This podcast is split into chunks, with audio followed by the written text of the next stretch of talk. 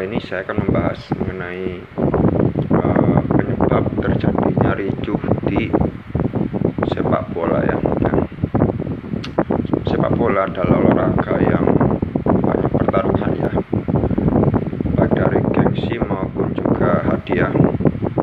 Dan saya akan membahas kenapa uh, bisa terjadi kericuan dalam suatu laga sepak bola. Yang pertama itu biasanya terjadi karena ini ya uh, kalau suatu laga itu diadakan di suatu desa ya di, karena kalau di desa itu terdapat kedekatan ya. Katakanlah misalnya suatu itu di satu desa terdapat 5 RW dan 5 RW itu mempunyai terdapat 5 tim ya. Karena 5 RW setiap RW terdapat satu desa itu mengadakan suatu turnamen maka bisa ya potensi menimbulkan uh, tensi yang tinggi hingga mungkin ricu karena ini menyangkut gengsi ya berbeda dengan misalnya jika suatu pertandingan itu pertandingan itu mewakili ya klub internal ya nah itu beda karena kalau klub internal ya kan ya saya katakan tarkam ya. Tarkam misalnya desa desa mana gitu ya. Katakanlah desa A itu. Desa A melawan desa B katakanlah desa dari sidoarjo melawan desa Surabaya. Nah itu klub di desa Su eh, klub di sidoarjo itu banyak dan klub di Surabaya juga banyak. Artinya ya saya tidak terlalu banyak terjadi gesekan karena kalau eh, klub-klub uh, dari Tarkam itu ya itu have fun biasanya have fun dan tidak banyak gengsi yang dipertaruhkan di sana. Ini berbeda halnya dengan kalau klub dari uh, dari ya dari mana?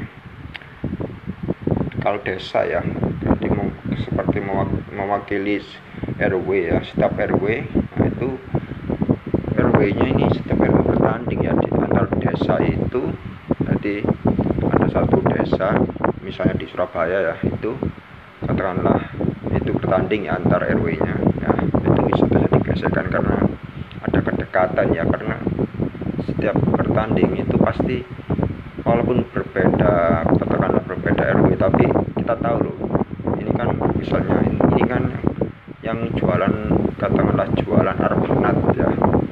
Ya ini kan saya kenal ini kan ini sebelah desa sebelah saya nah itu nah ini kedekatan seperti ini dan sebagainya itu bisa membuat itu tensi panas karena menyangkut gengsi ya.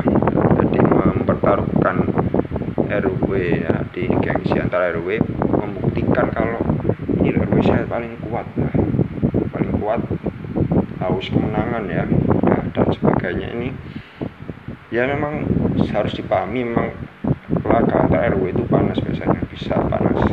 Antar RT juga bisa. Intinya kalau pertandingan di dalam satu desa karena setiap pemainnya itu saling mengenal ya. Ya ini bedanya kalau dari luar katakanlah klub Sidoarjo dan klub Surabaya itu enggak saling mengenal. Jadi enggak kalau mau ricu itu sungkan sebenarnya terjadi kericuan ya jadi faktor pertama itu karena kedekatan ya historis kedekatan dari segi de, kedekatan dari segi karena satu desa juga ada. Faktor kedua ialah hadiah. Jadi karena kalau misalnya di satu turnamen itu ada hadiah itu juga bisa menyebabkan kericuan karena karena dia itu adalah uang ya. Uang itu kita misal beli ke pasar ya kurang seribu aja dicatat sama yang tukang sayurnya ya di pasar itu dicatat. Dan kalian juga harus mengingat kalau saya ini kurang seribu loh di pasar itu. Nah, jadi kalian besoknya membayar. Dan penjualnya juga apal sama kalian ya. Ini orangnya suka utangan nah ini sama dengan hadiah ya. Jadi hadiah juara 1, 2, 3 itu berbeda nominalnya. Dan itu ini membuat bisa timbul kericuan ya. Nah ini ya harus itu ya. Harus dipahami juga ya. Dia, dia, dia itu juga bisa walaupun dia itu sebagai motivasi tambahan. Tapi kalau tidak dikelola dengan baik ya bisa terjadi kericuan ya. Harus dipahami ya ini. Ada hadiah itu bukannya tidak baik tapi kalau eh, kalau kita mempunyai pikiran yang mana gitu bisa terjadi kericuan ya. Hadiah itu karena jadi memperbutkan gengsi ya. Beda kalau tarkam itu kan saya di desa saya di desa saya itu kalau dari luar kalau ke sini tuh nggak mesti nyewa lapangan. Maksudnya ya sudah setelah bertanding salaman pulang. Nggak ada hadiah apa itu nggak ada. Beda dengan turnamen kayak di antar de, uh, setiap turnamen desa gitu. Itu ada hadiahnya dan itu ya pasti keras ya mainnya kan ada pasti kita kita perhatikan ya setiap ada turnamen dengan memperbutkan hadiah itu pasti terjadi. Itu kemungkinan terjadi kericuan cukup tinggi ya. Beda dengan tarkam ada hadiahnya ya. Hanya mungkin halus ya. Nggak terlalu nggak terlalu kasar lah ya. Hadiah dia juga menentukan ya. nah lalu apakah ada ya? Itu tadi faktor kedua faktor ketiga itu menurut saya eh, dari ini ya pemainnya juga ya jadi pemain dari pikiran pemainnya juga perlu dijernihkan karena sepak bola ini cuma sepak bola ini olahraga dan semua olahraga itu adalah game ya. Dalam artian game itu permainan. Permainan artinya tidak terlalu terlalu dibuat itu ya. Maksudnya jangan terlalu dikejar. Kalau sudah kalah ya kalah kalau menang ya menang. Kalau seri ya seri. Ya dalam artian ya sudah. Yang terjadi ya terjadi. Tapi yang penting itu adalah konsep adil teman-teman ya. Nah, di sepak bola itu di olahraga olahraga mana pun konsep adil itu harus terpenuhi ya. Jadi makanya pemain ini harus eh, pemikirannya juga harus dewasa harus jernih dan yang penting jangan ego. Egonya jangan di terlalu dinaik-naikkan dan juga menahan emosi ya. Itu penting. Nah, karena ya timbul gesekan itu itu ya sangat disayangkan kalau antar des uh, itu kalau di desanya ada gesekan karena main sepak bola nanti pas di luar lapangan juga ikut terseret kan hubungannya jadi tidak baik yang aslinya baik menjadi tidak baik kan itu sayang sekali loh masa karena satu pertandingan itu hancur semua saya itu ya. Kurang kurang apa ya sangat menyayangkan ya. Nah itu faktor ketiga ya ini faktor ketiga lah dari pemainnya sendiri pemikirannya mentalnya itu harus ditata ya. Ini tidak mudah tapi harus kita rubah mulai dari sekarang ya daripada terlambat gitu loh. Terus yang keempat wasit teman-teman ya jadi menurut saya wasit itu juga menentukan. Walaupun ya wasit itu wasit sepak wasit sepak bola mestinya itu biasanya itu sudah sangat teliti orang karena peraturan di sepak bola itu macam-macam ya. Sampai di sepak bola itu saya tidak terpikirkan kalau saat ini sudah menggunakan VAR ya. Di menggunakan bantuan teknologi dan ini membuktikan kalau wasit itu manusia jadi perlu menggunakan teknologi ya.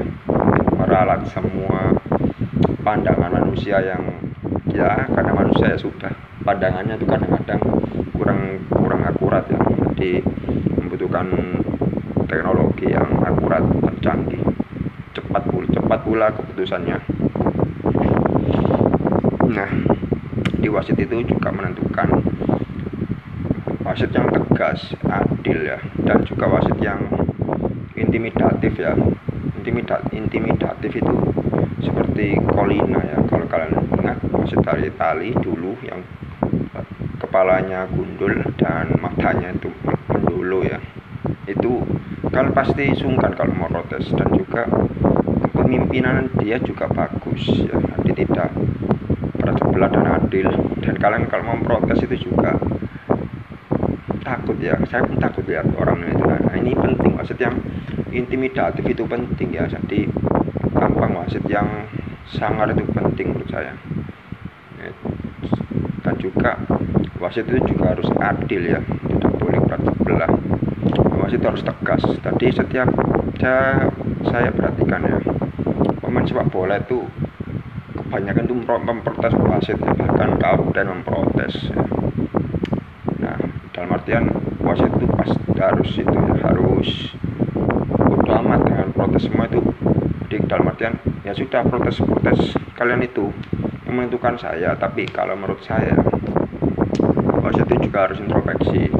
Tidak semua keputusannya itu menurut dia benar itu di mata penonton itu benar ya dalam artian wasit harus introspeksi bahwa keputusannya itu ada yang salah dan harus diperbaiki ya ini kadang-kadang saya melihat ya saya tidak menyebutkan ada wasit yang keras kepala dengan keputusannya. Dia diberi masukan itu tidak masuk dan ke, e, masukannya dari koleganya atau teman-temannya itu. Dia dia masuk kuping kiri keluar kanan. Jadi dalam buat dia itu ya keputusannya dia itu benar ya. Dia tidak menyebutkan tapi ada tipe wasit seperti ini. Saya bisa temukan di Liga 1 juga ada keras kepala gitu saya bisa membaca dari ini ya dari tampangnya. Bisa. Nah jadi ini itu adalah faktor ke berapa ya? Keempat ya? Keempat atau kelima ini? Lupa saya. Pokoknya itulah ya faktor-faktornya. Wasit itu juga menentukan ya. Jadi wasit itu harus adil dan juga mau menerima masukan dan tidak baper ketika dikritik. Nah ini penting ya kadang-kadang saya lihat. Wasit kalau dikritik itu malah meninggi emosi wasitnya ini saya bingung padahal kalau orang memprotes itu hak di haknya hak itu adalah hak untuk memprotes. Tapi selama protesnya itu tidak berlebihan ya tidak apa-apa. Mengkritik itu juga hak ya. Tidak dijamin undang-undang yang, yang penting tidak menimbulkan kata-kata kotor ya ya karena kalau kata-kata kotor itu nanti kasihan generasi muda kita itu kasihan ya ditiru nanti ya. Kata-kata kayak ya kotor lah kata kotor gitu ditiru anak-anak muda. Dikatakanlah anakmu gitu niru kata-katamu sudah nggak sadar kamu kata-kata kotor terus ditiru anakmu itu mau tak kamu ditiru kayak gitu. Di sekolahnya gitu ditanya siapa yang mencari bapak saya. Nah gimana itu kalian respon kalian. Ya, harus ditata ya. Dalam artian wasit itu juga penting ya. Dalam artian wasit, wasit itu menentukan. Selama dia adil tegas dan juga mau menerima kritikan dan tidak mudah diatur wasit itu saya yakin. Dan juga mukanya intim intimidatif mukanya menyeramkan. Saya saya pastikan wasit ini adalah wasit bagus. ya faktor yang selanjutnya. Terjadi kericuan itu biasanya ya hmm, faktor penonton juga bisa. Bisa anda bayangkan ya di stadion itu banyak penonton yang melihat dan ada suatu pertandingan sepak bola. Lalu ketika penonton itu melihat ya banyak penonton.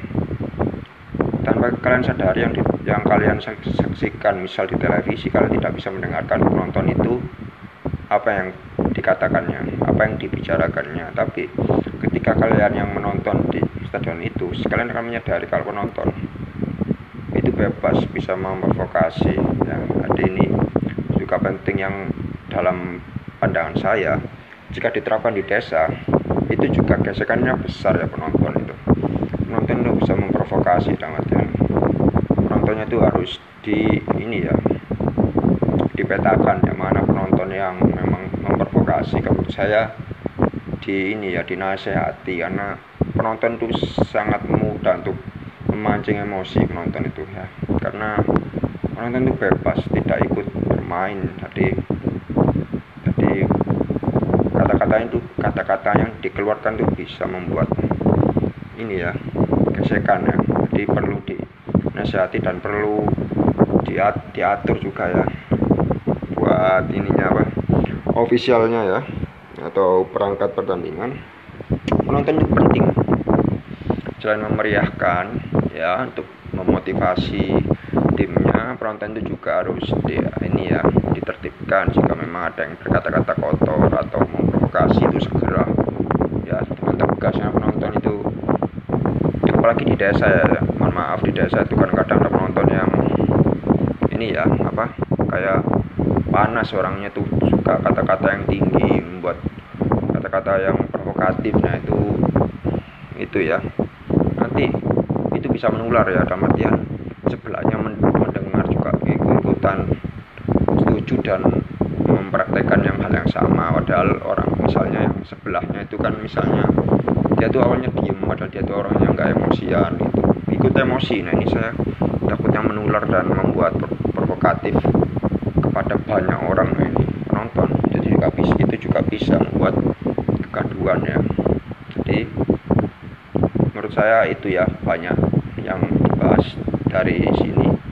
Ada beberapa beberapa faktor. Mungkin tadi itu tujuh faktor. Mulai dari pemain wasit ya. Terus hadiah satu faktor satu desa. Dan banyak hal ini yang membuat kericuan di sepak bola. Jadi harapan saya ya ditata lah ya. Itu loh pak. Kalian apa tidak sedih kalau hanya satu pertandingan itu membuat segala pertemanan persahabatan yang dibangun? Anda, anda bisa bayangkan ya kalau persahabatan anda itu sudah dibangun sejak persahabatannya bapak anda. Ya itu sudah dibangun itu. Jangankan karena satu pertandingan itu yang berakhir atau beberapa pertandingan yang ricu itu membuat yang di saat keluar lapangan itu pertemanan dan persahabatan juga ikut terganggu bahkan rusak ya. Itu sangat disayangkan. Bakalan nggak sedih. Saya pribadi sedih ya kalau ada kejadian seperti itu. Saya berkaca di Indonesia atau di Eropa gitu. Ya jangan saya, saya sangat sedih secara pribadi kalau ada kejadian seperti itu jadi saya harap saya harapkan supaya perlahan-lahan ya kita kikis itu. Kita optimis kalau ya kita ini manusia tidak pasal kesalahan tapi yang penting mau introspeksi, introspeksi dan menganggap bahwa kita tuh banyak salah yang sempurna itu Allah ya. Jangan merasa kita itu benar ya. Itu itu dari saya sekian dari saya ya terima kasih untuk semua yang